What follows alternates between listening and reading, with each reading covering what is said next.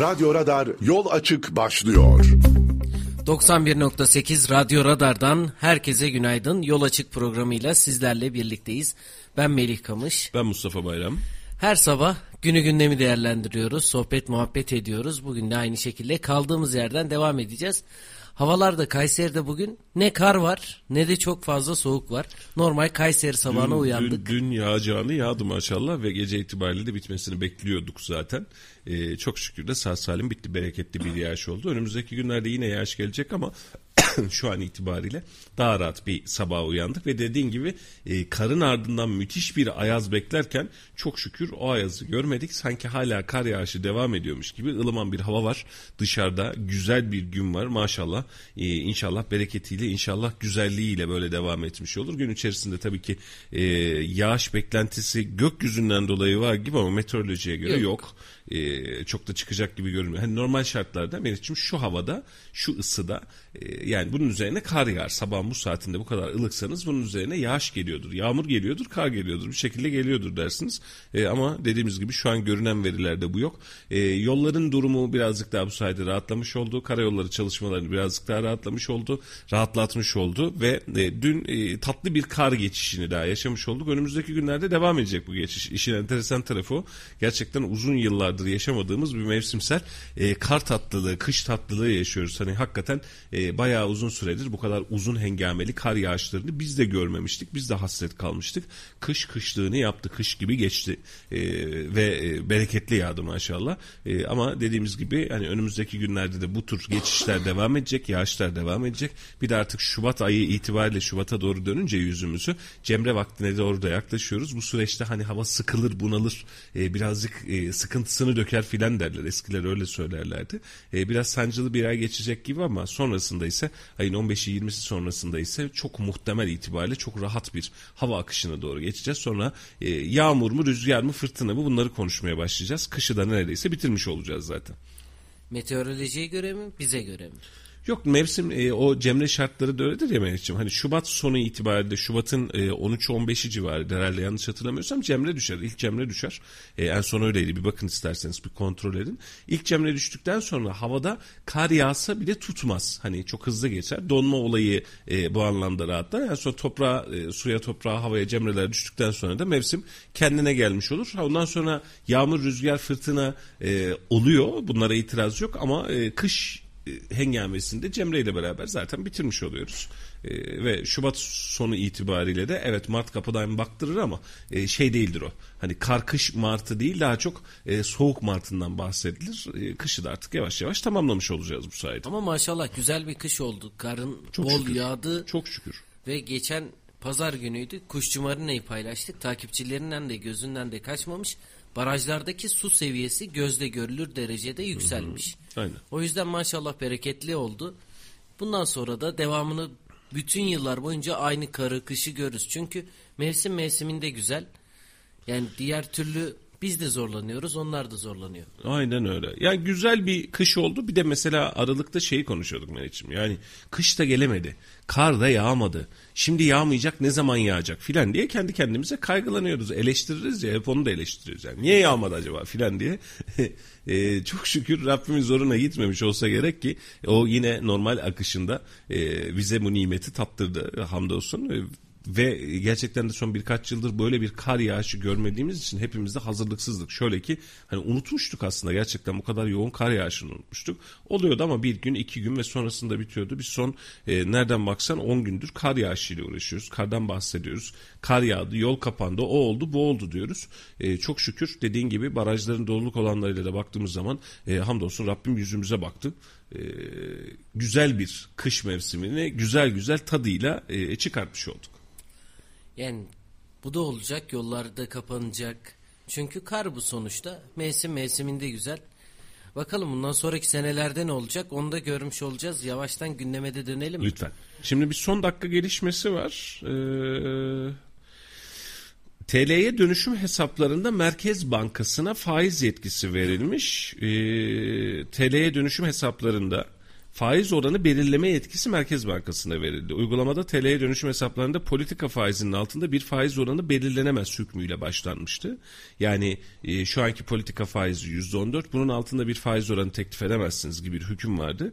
Resmi gazetede yayınlanan değişiklikle faizi belirleme yetkisi Merkez Bankası'na verilmiş. Yurt dışında yaşayan vatandaşların Türkiye'deki bankalardaki döviz hesapları da istemeleri halinde TL'ye dönüştürülebilecek. Dolar, euro, sterlin hesabını TL'ye çeviren yurt dışında yaşayan Türk vatandaşları destek uygulamasından yararlanacak denmiş. Ee, bu da bir son dakika haberi sabah sabah günaydın haberi olmuş oldu. Ee, dönüşüm Ne hesaplarında. yani şu an? Yani şunu diyor, e, TL dönüşüm hesaplarında politika faizinin altında bir faiz oranı belirlenemez diye bir hüküm vardı. Yani %14'ün altında bir faiz oranı belirleyemezsiniz. Üstünde belirleyebilirsiniz ama altında belirleyemezsiniz. Çünkü sebep ne? Devlet diyor ki ben zaten %14 ben açıkladığım politika faizi var. Sen bunun altını teşvik edersen zaten vatandaşa bir iyilik yapmış olmuyorsun. Bana da zarar veriyorsun. Kurun karşısında ezilirsin o zaman. Sen faiz oranını yüksek tutacaksın ki diyor bankaya %14 ve üzeri tutacaksın ki ben burada kur hareketlerinden devlet olarak daha az zarar alacağım diyordu. Ama şu an itibariyle Şimdiye diyor ki kadar. şu an diyor ki Merkez Bankası'nın tercihinde yani %12 de teklif edebilir bankalar size. %10 da teklif edebilir faiz oranı olarak. %16 da %17 de teklif edebilir. Peki banka böyle bir garantili fonda garantili standartta %20 teklif eder mi? Etmez. %14 zaten devletin belirlediği bir standart var. Orada da bir tekerleşme var. %14 der. İşin kötü tarafı günün başlangıcının kötü haberi şu. Yurt dışında yaşayan vatandaşların Türkiye bankalarındaki hesabını da döviz hesaplarında istemeleri halinde TL'ye dönüştürebilecekler. E, diyor ki gurbetçiye ben seni de garanti altına alayım. Gel diyor en kötümser ihtimalle kur karşılığı alırsın. Kur almazsan faiz alırsın diyor. Ee, her türlü biz zorlanıyoruz. Yani ve para ihtiyacımız zannedersem bitmemiş ki fonksiyonlarımız devam ediyor. Ve her türlü zorlanıyoruz. Sebep şu yarın bir gün bir oynaklıkta bir esneklikte baştan beri konuştuğumuz hadise.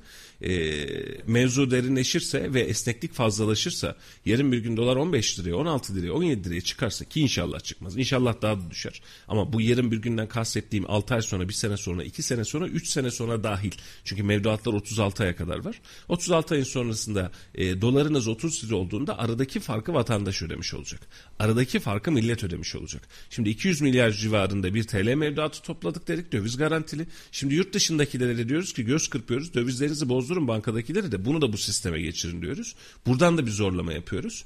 E, totalde altını çizmiş olduğumuz zaman aslında biz her türlü o 200 milyarı 500 milyar yapalım istiyoruz içeridekini. Ama bunu yaparken de yarın bir gün başımıza ne geleceğini değil bugünü nasıl kurtaracağımızı düşünüyoruz.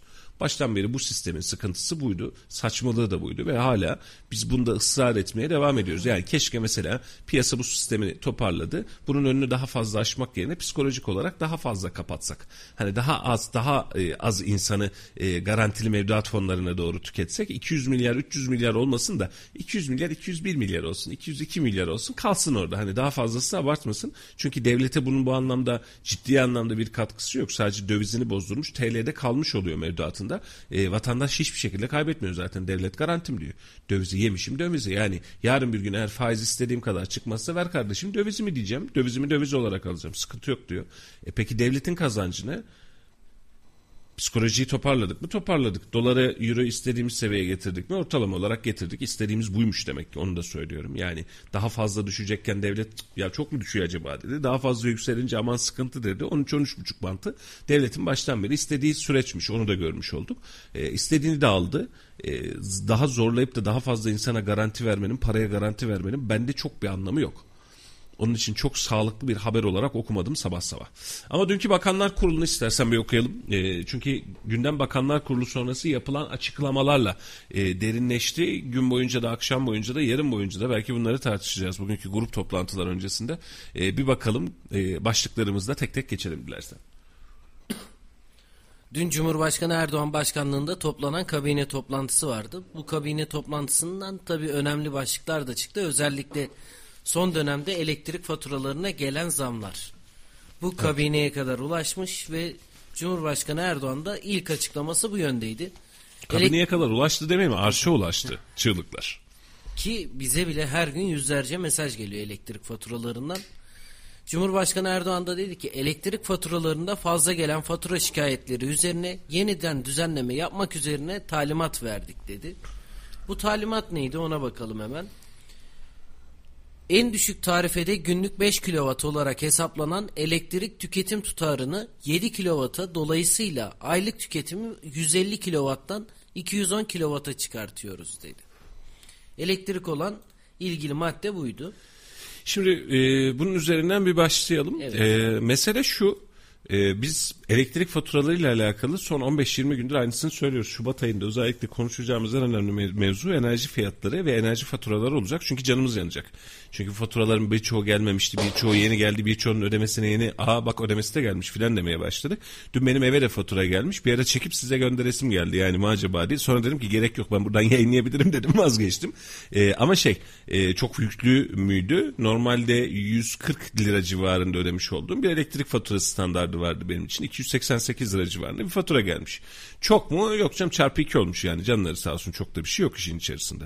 E, hatta ve hatta kilovattıma baktım. Acaba şimdi e, tam da karar açıklanırken ben yoldaydım. E, dönüşte bu 150 kilovata ne kadar takılıyoruz ne kadar takılmıyoruz diye. 188 kilovat kullanmışım bir önceki ay Meriç'im. Evde uyguladığımız ekonomik tedbirlerle 160 kilovata düşürmüşüz aylık tüketimimizi. Tedbiri aldık ama. Tedbiri aldık. Ee, dedim iyi zaten biz başarmışız. Yani o oradaki 30 kilovatı çarpı 2 kullanmadık. Biraz daha rahat ettik dedim. Sonra geçen ayın faturasını, sonra bu ayın faturasını aldım. Şöyle önümde bir inceleme yaptım. Eğer 210 kilovat olsa ya da 250 kilovat olsa aylık kullanmış olduğum tüketim ne fark ederdi diye bir baktım. Ben zaten e, fazla kullandığım bu bahsetmiş olduğum 288 lira faturayı e, dünkü açı, açıklanan Bakanlar Kurulu sonrasındaki hesapla giderek söylüyorum. 10 kahvalık e, fazla kullanımım var sadece. Yani 288 liraya ne ben 280 lira ödeyeceğim. Ortalama olarak çıkan tablom bu. Yani arada çok fazla bir şey fark etmemiş benim için. Vatandaş için de aslında çok fazla bir şey fark etmedi. Bu şeye benzedi Meriç'im. Ee, ÖTV oranlarına şey yeniden değerlendirme oranlarını açıklayıp daha sonra MTV'de indirim yapmıştık ya. Aynen bu bunun gibi yani %36 diyor ya tamam vazgeçtik. %25 biz tamamız dediğimiz hadise gibi. Hükümet bir şey yapıyor. Ben çok olumlu buldum. Bak baştan bunu söyleyeyim. Yani dünkü açıklamayı Bakanlar Kurulu açıklamasını şöyle olumlu buldum. Bir, hükümet vatandaşı dinliyor ya da dinlemek zorunda olduğunu bir kez daha idrak etmiş. Vatandaşın çığlığı, sessiz çığlığı, bak siyasi çığlığından bahsetmiyorum. Yani siyasetçiler fatura işini çok sonradan idrak ettiler. Vatandaşın cebinde vardı bu. Yani vatandaşın gündemine düşmüştü. Siyasetçi çığlıkları duyunca bunun üzerine düştü. Normalde siyasetçilerin gündeminde yoktu. Yani kaç kişinin ağzından çıktı bu kadar net olarak. Şimdi dönüp baktığımızda vatandaşın sesli ya da sessiz çığlığı, sosyal medyadaki tepkisi, söyleme, açıklaması adına ne derseniz deyin. Hükümete ulaştı. Bakanlar Kurulu'na ulaştı. Şimdi orada da şunu yapıyor. Fiyat zammına geri alabilir miyim? Hayır alamam. Zaten zarar ediyor sistem. Ve mutlaka bunu regüle etmem lazım. Bu parayı almam lazım. Fiyat zammını geri alamam. Peki ne yapacağım? Bir güzellik yapmam lazım. Yapılabilecek en ince TRT payı bari bir güzelliği yapmış olduk arada. Yine söylüyorum bence değerli. Bunu kötümser anlamda söylemiyorum.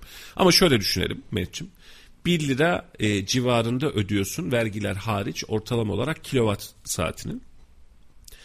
Şeye çıkarsan e, sen söyle adını bir üst kademeye çıkarsan bir İkinci kademe. Ha, ikinci kademede 1.60 civarına mı denk geliyor? Hemen hemen. Hemen hemen 1.2'ye 1.60 gibi aslında totalde öyle çıkıyor da hadi diyelim ki 1 lira olsun öbürü de 1 lira 50 kuruş olsun. Hani farz-ı mahal söylüyorum şu an faturalardan bakıp görmek lazım. Şimdi aradaki fark ne kadar Melih'ciğim? 50 kuruş. Doğru mu? 1 kilowatt saatteki aradaki fark 50 kuruş. Şu ana kadar 150 kilowata kadar sana 1 liradan kullan. 150 kilowata geçerse ben sana farklı tarifeden uygulayacağım demişti. Doğru mu? Doğru. Evet. Peki arada indirim yapılan e, kademe ne kadar? 150 kilowattı. 210 kilowata çıktı.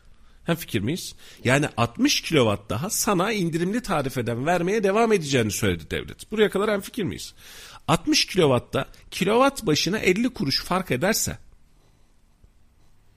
Topan, toplamda faturanızda 30 liralık indirim almış olursunuz. 210 kilovatı geçiyorsanız. Yeni gelen tarifenin Türkçesi bu. Şimdi vatandaşın aklında o indirimler geldi o tamam rahatladık filan diye düşünüyorlarsa ben onlara söyleyeyim. Yani toplamda eğer ya kaba hesap yaparak söylüyorum bunu. Bugün arkadaşlar muhtemelen ince hesabını yapıp sisteme geçeceklerdir. Eğer siz 210 kilowatt geçen ay elektrik tükettiyseniz ve örnek olarak veriyorum 300 lira fatura ödediyseniz önümüzdeki ay aynı tüketime 270 lira fatura ödeyeceksiniz. Aradaki fark bu kadar. Yani yılbaşında gelen zamla birlikte şu an yeni güncelleme ile 210 kW'a kadar şu an %52 zam aldınız. Evet. 210 kW'tan yukarısında %126 zama devam ediyorsunuz. Aynen öyle. Türkçe meali. Türkçe meali bu. Yani dediğim gibi e, benim yanlış hesaplamadıysam ki dediğim gibi bugün net hesap çıkar. Ortalama olarak 210 kW ve üstü faturalarda 30 lira civarında bir fiyat indiriminiz var. 30 TL. Şimdi ben dün bunlar açıklanırken işletmelerde, meskenlerde değil sadece, işletmelerde, ticarethanelerdeki elektrik tüketimiyle alakalı bir gelişme gelecek mi diye bekledim. Gelmedi. Demek ki bizim işletmelerimiz hani hep söylüyoruz ya gözlerini kapatıp aman başımıza iş gelir bak ağzımızı açarsak ne olur diye düşünüyor ya işletmelerimiz. Basitinden söyleyeyim Meriç'im sanayi üretiminden bahsetmiyorum tek başına. Sokaktaki esnaf bakkal bakkal bakkal normal yani dolap çalıştırıyor. Şimdi geçen Salih'le konuştuğumuz hadise vardı sen yokken. Yani yaz döneminde şu elektrik faturalarıyla biz dondurma filan yiyemeyiz. Soğuk su filan da tüketemeyiz. Yani bu maliyetleri karşılayabilecek durumda değil. Ev tüketiminde 1 lira civarından bahsetmiş olduğumuz rakam var ya, bak 1 TL kilowatt saat başına. İşletmelerde doğrudan sıfırdan itibaren 2.7 ile çarpılıyor. 1 lira 2.7 lira. Derdiniz ne? Üst tarafınızdaki ev aynı elektriği alıyor ama siz aşağıda ticarethanesiniz. Ne yapıyorsunuz? Bakkallık yapıyorsunuz. Kasaplık yapıyorsunuz. Lokantacılık yapıyorsunuz. İnsan çalıştırıyorsunuz. Vergi veriyorsunuz. Ve bunların tamamını yaparken de en büyük kabahatli siz oluyorsunuz. Neden? Çünkü en yüksek tarifeyi, en ateşli tarifeyi siz ödüyorsunuz. Biz ödüyoruz. Şahsım adına ödüyorum. Ve bunu söylerken de gerçekten çekinmiyorum. Yani çok ciddi rakamlar, çok ciddi yükler. Vatandaşın üzerindeki yükten de azaltmayı yapamadık. Ha şimdi hükümet ne yapsın? Vallahi haklılar hükümetin yapabileceği bir şey yok. Elde avuçta bir şey yok. Ne yapacak? Burada sadece ve sadece vatandaşın alım gücünün yükselebilmesi gerekiyor. Bunun için temel bazı maliyetlerin kesinlikle düşmesi gerekiyor. Kesinlikle düşmesi gerekiyor. Ve buna göre de sistem kurgulanması gerekiyor. Peki devlet enerji maliyetini nasıl düşürecek? Nasıl düşürsün abi? Yani doğalgaz boru hattında bakım çalışması olacak diye biz 10 gündür 15 gündür Türkiye'de enerji kesintilerinden bahsediyoruz. Bakın yine dünkü açıklamada diyor ki e, Cumhurbaşkanımız İran'la yaptığımız görüşmeler sonrasında bakım çalışmasını yaza bıraktık. Sıkıntı yok. Bakım çalışmasını yaza aldılar. Problem değil diyor. Ee, ama diyor işte kesintilerde bir süre devam edecek. Onu da azaltacağız yani hızla bitirmeye çalışıyoruz diyor. Dönelim CHP ne diyor aynısına Faik Öztürk'ün açıklaması vardı. Ee, diyor ki doğalgazda anlaşmanız yok. Ve sizin kaynağınız da yok. Rezervi açıklayın o zaman. Bu önümüzdeki ayda yani Şubat ayında da bu kesintiler devam edecek. Mesele demek ki sadece İran değilmiş diyor. Neresinden bakalım? Aldığımız başka bir veri e, net olmamakla beraber hani bunu net olarak söylemiyorum yanlış anlaşılmasın. İran'la yapılacak tamirat anlaşması İran tarafındaki tamirat değil Türkiye tarafındaki sızıntılarla alakalı fazla sızıntıyla alakalı. E, yapılmayan enerji anlaşmaları olduğu söyleniyor. Ve bu anlamda da hepimizin aklında bir mi acaba ortada soru, de, de, soru işareti olarak dönüyor. Peki bu kadar enerji yokluğunun içerisinde devlet enerjide ne yapsın? Bedenini isteyecek, enerjisini verecek. Ve şu an hala indirimli vermeye çalışan bir devlet var. Bunu çok samimiyetle söylüyorum. Yani şu an devlet barajın kapağını açıyorum herkes hakkıyla parasını kazanacak devlet de bu işin üzerinden payını alacak kardeşim dediği anda şu an 300 lira ödemiş olduğun faturayı ortalama 600 lira ödeyeceksin. Devletin desteği var, zinhar var.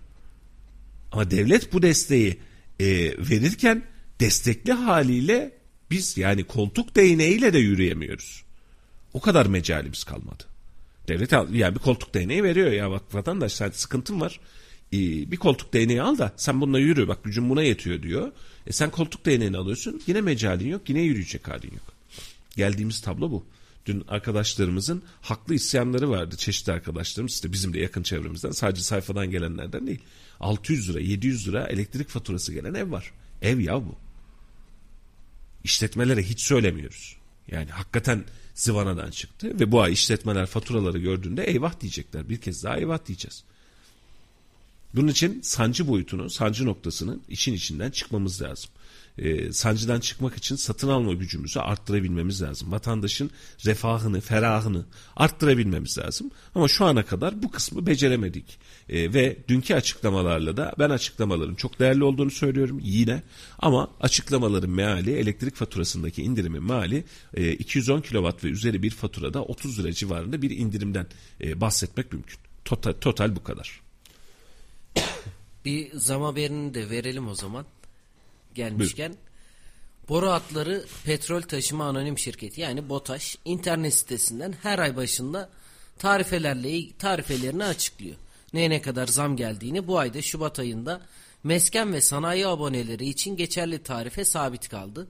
Elektrik üretim amaçlı tarifeye %14 zam geldi. Ya elektrikten açılmışken söyledim. Hı hı. Yani buna göre ne olacak?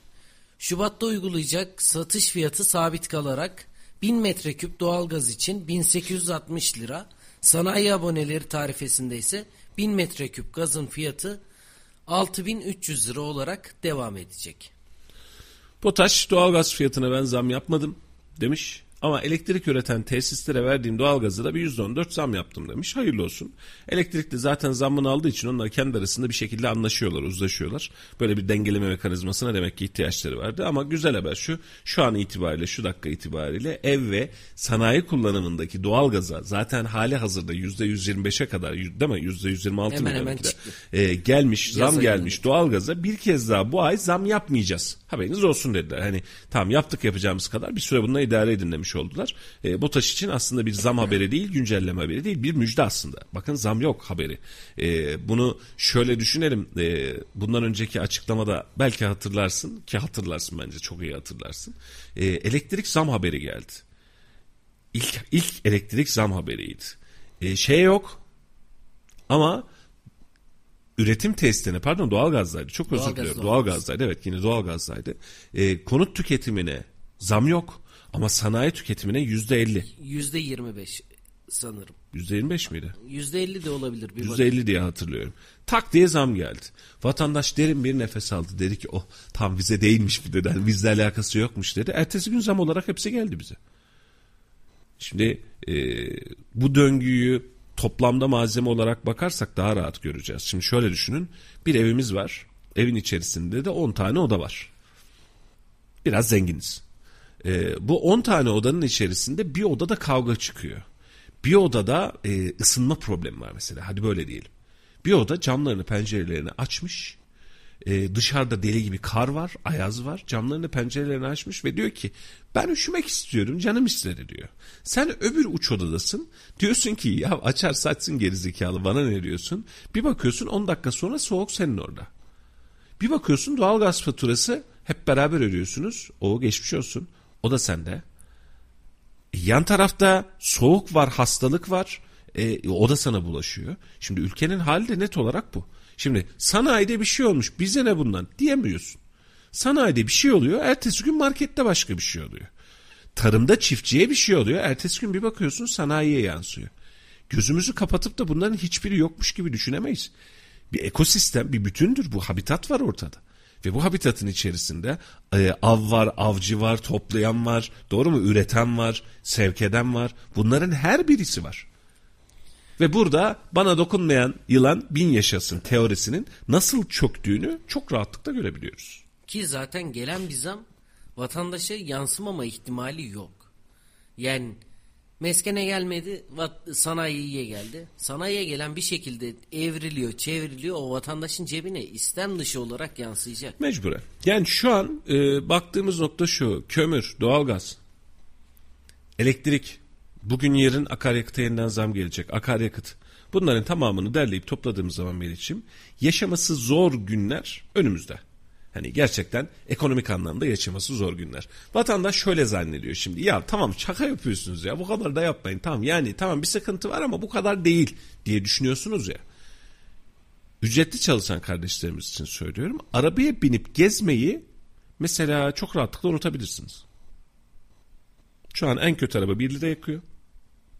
Yeni tarifeyle. En kötü araba 1 lira yakıyor. 1 liranın altında yakan araba kalmadı. 1 sıfırlar dahil herhalde buna. Yok. LPG'nin bir farkı yok biliyorsun. Ya arabaya bineyim. Hmm, ne yapayım? Haftada iki gün e, şeye ailelere gideyim. Haftada bir gün arkadaşlarla buluşayım. Tamam. Geri kalan günlerde de işe gideyim geleyim. Dediğinizin maliyeti ay ortalamasında bin lira civarını filan buluyor. Minimum bu da. Yani bu bahsettiğim uzak mesafeler değil. Ha birazcık böyle gezeceğim, tozacağım, gün içi çok fazla hareket edeceğim derseniz o dengenizde yok. E, unutuyorsunuz bak gitti. Doğalgazı istediğiniz kadar yakıp ya üşüyoruz kardeşim ne yapayım deme lüksünüz gitti. E, kalın kalın patikler alma zamanı battaniyelerin altında durma zamanına dönmüş olduk. Bir şey olmadı yani. Şimdi hani bu kadar abartmayın diyorlar ama şimdi esnaf kardeşinizden gidip kasaptan vesaireden soğuk e, ya ne kadar güzel şuradan alabilir miyim? Bitti. Dışarıda 3 liraya aldığınız kolayı markette 3 liraya bulma imkanınız bitti. Sebep şu kolaya zam gelmesi, tenekeye zam gelmesinin bir adım ötesi elektriğe gelen zam sebebiyle sana soğuk verebilmek için sana soğuk bekletebilmek için o dondurmayı, o kolayı, o meşrubatı, o suyu soğuk bekletebilmek için üzerine farkını koyması lazım. 50 kuruş versem de bir tane su alsam dönemi çoktan bitmişti. Şimdi 1 liraya su aldığınız, 1,5 liraya su aldığınız dönem çoktan bitti. Yaz dönemine geldiğinde bunu çok çok daha iyi yaşayacağız. Zaten 10 liraya dürüm alıyorum ben hep hikayesi çoktan bitti. Onu da unuttuk. Ve bunlar bitiyor. Ve vatandaşın fark etmesi gereken gerçekler, çıplak gerçekler de net olarak bu. Hani Sezen Aksu'nun şarkısı rakı ve balığın en güzel nerede gittiği, hangi büyükelçinin hangi nerelerde dolandığı bizim gündemimizde olmamalı idi. Ama oldu. Şimdi bugün ayıldık mı biz? Yani bu gündemler bitti değil mi şimdi? Sezen Aksu'dan filan bahsetmiyoruz. Eli kulağında. Şimdi Bugün yarın. bunu konuşuyoruz ya. Şükrü Bey demiş ki şimdi zamı konuştuk geliyor filan diye. Elektriğe dün indirim geldi demiş. Yorum olarak yazmış. İndirim yapıldı elektriğe yazmış dün. Ha dünkü bahsedilen Evet. şeyi indirimi. Evet Şükrü Bey şöyle yeni katılmışsınız size açıklayalım. Ee, güzel bir hareketti. Bak kötüsü olmaz bunun. Bak çok ciddi söylüyorum güzeldi. Bunu eleştirmek adına söylemiyorum ama tabloyu görün diye söylüyorum. Hani önümüzdeki aya kadar bekleyip fatura geldi aa bak bu ay düşecek deyip ulan niye düşmemiş yine demeyin diye söylüyorum şimdiden. 210 kilowatt yani Tayyip Bey'in söylemiş olduğu 210 kilowattı bu ay kullanmış olsanız ve size yani onu da aslında hesaplanabilir de şu an e, mantığı zor. E, 210 kilowatt ne yapar?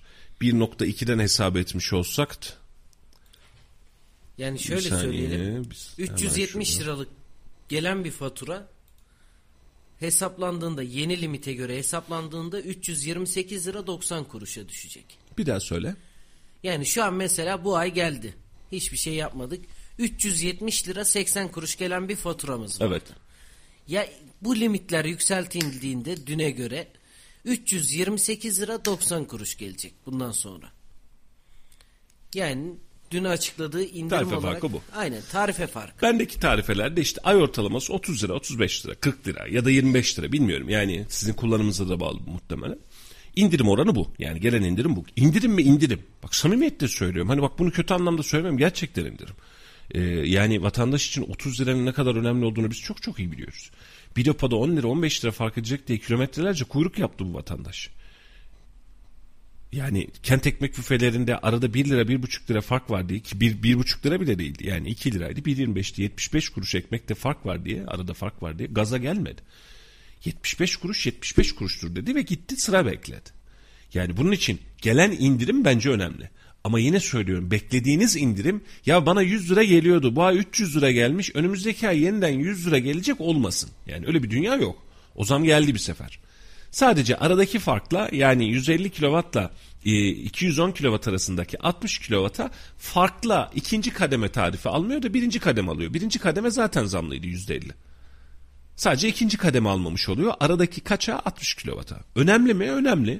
Şimdi 1.2 2 liraya filan e, tekamül eden elektrik e, kesintisi neredeyse seçim vaadi haline gelmişti. Yani bu kadar önemliydi şey e, TRT payı kesintisi doğru mu elektrikteki? E, şimdi e, 100 liralık faturada 2 lira fark eden TRT payı mı? E, şimdi 200-300 liralık faturada 30 lira fark eden bu indirim mi? Bence önemli. Ama yeter mi? Ya da vatandaş bunun altından kalkabilir mi? Orası biraz daha sizin sorunuz. Yani faturanız bir 30-40 lira daha az gelebilir değerli dostlar. Yapacağım sadece bu elden gelen bu kadarmış. Hayırlı uğurlu olsun. Amin. Evet dün neler oldu? Kabine toplantısında neler konuşuldu ona da bakalım. Tabii ki.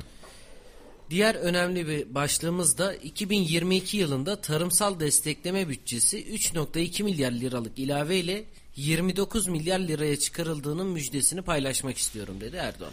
Dün e, Bakanlar Kurulu toplantısı sonrası yapılan açıklamada tam bir istatistik oyun e, dehası vardı.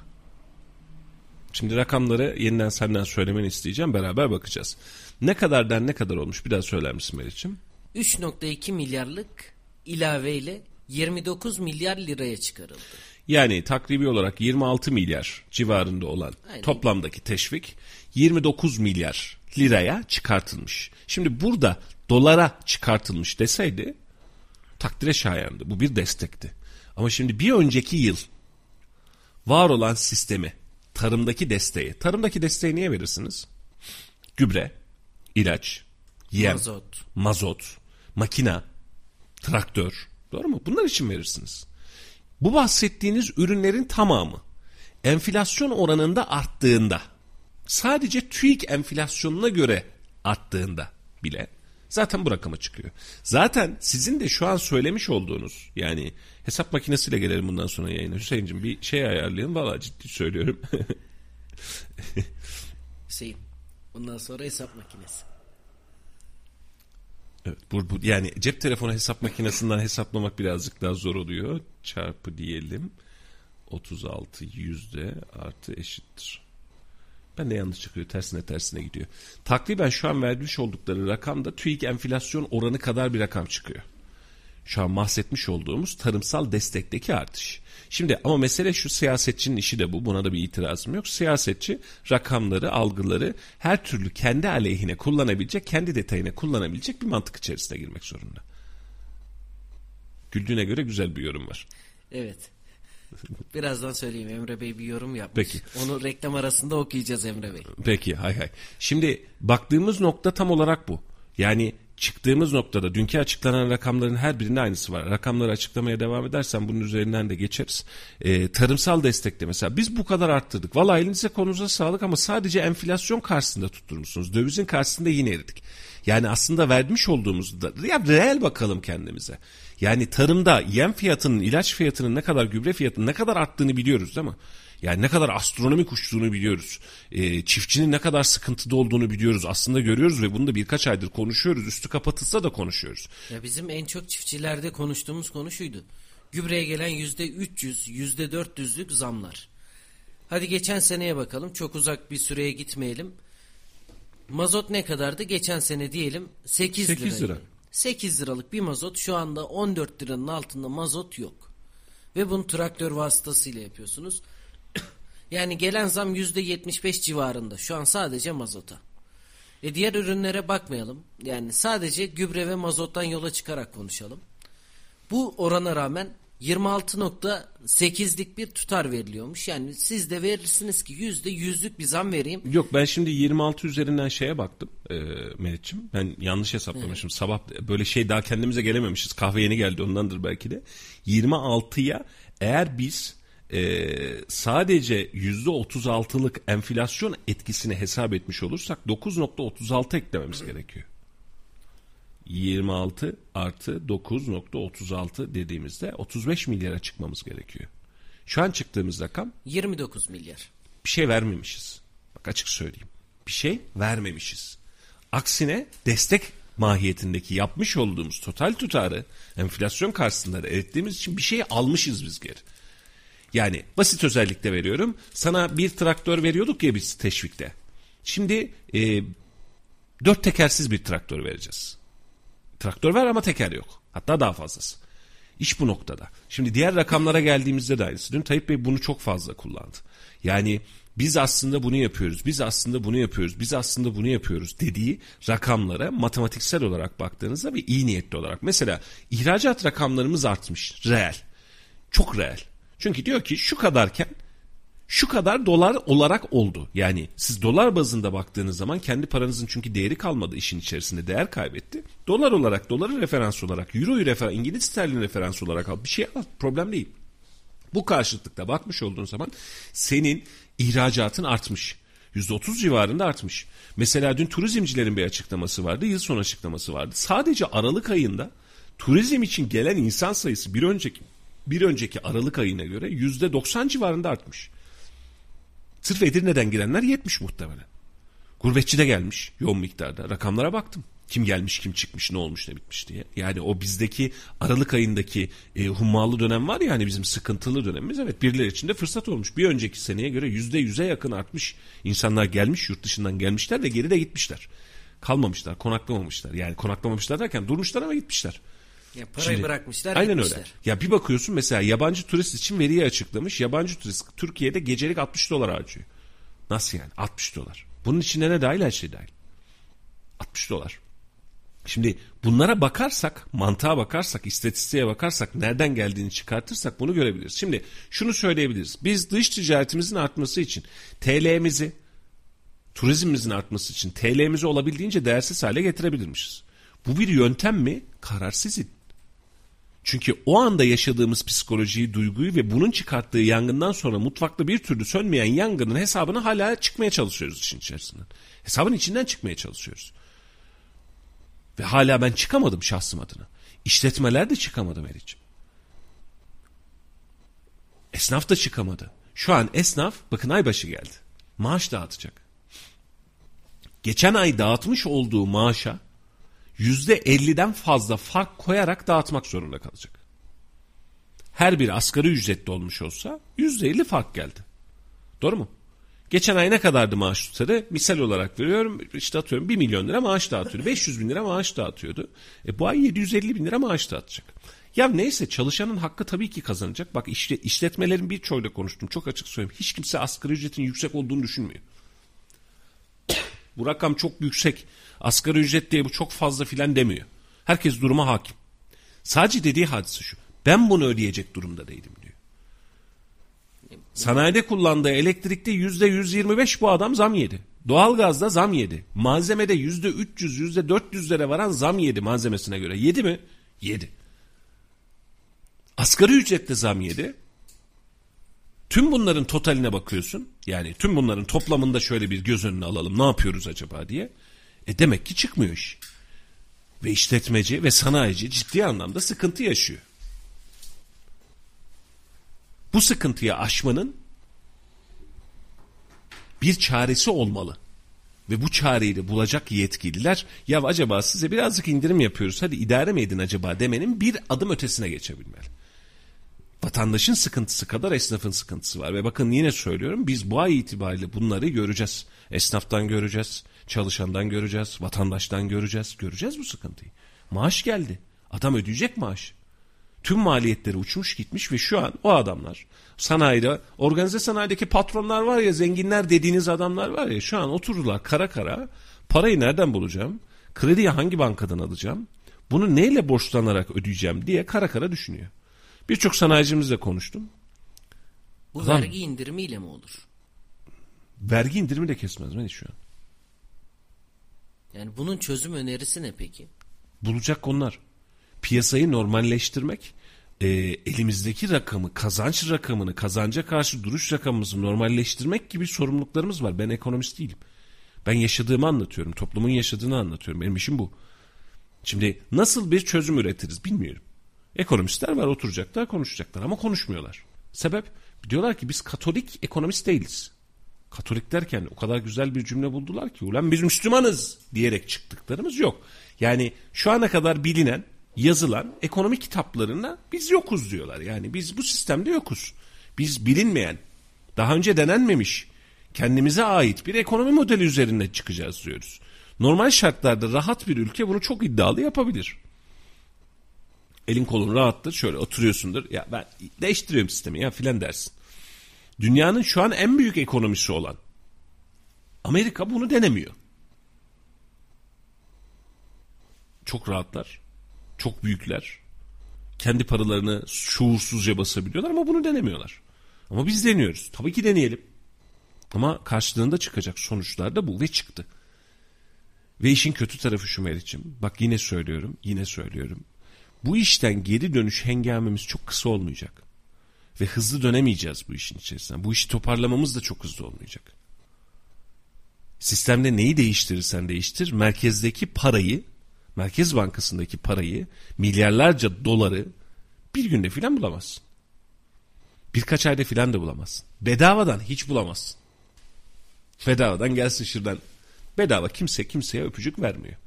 Sen getiriyorsun Katar'ı çağırıyorsun. Katar geliyor. Sen de liman anlaşması yapıyor. Sen de satın alma anlaşması yapıyor.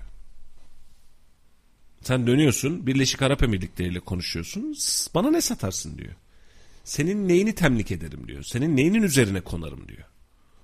Bak yine Şubat ayında gelecek işte söylemiştim. Birleşik Arap Emirlikleri'nin bir büyükelçisi gelecek. Kayseri'de ziyaretlerde bulunacak. Bunu konuşacağız. Nerede yatırım yaparsınız acaba? Mesela aklıma geldikçe yani Erciyes'ten otel yeri, işletme, misal.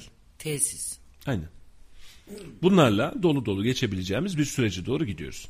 Sıkıntımız var güzel kardeşim ve sıkıntıyı aşmak için aklı başında insanlara ihtiyacımız var. Sıkıntımız var. Rakamların manipüle edilmediği, bak diğer rakamlarda da birazdan reklam arasından sonra bakarız. Rakamların manipüle edilmediği açıklamalara ihtiyacımız var. Ve şu an üzülerek söylüyorum işte 26 milyarlık teşvik tarım için ayrılan teşviği 29 milyar yaptık. 3 milyarları ekledik. Bunu dinlerken tüm vatandaşlarımız biz dahil diyoruz ki adam yapmış yapacağını ya yine bak tarıma destek bile vermiş. Çünkü dışarıdaki adam tarımı bilmiyor. Herhangi bir çiftçi konuştuğu zaman adam diyor bak geçen gün açıkladığında yine size destek miktarını arttırdı. Daha ne istiyorsunuz? Bu devlet size daha ne yapacak diyor.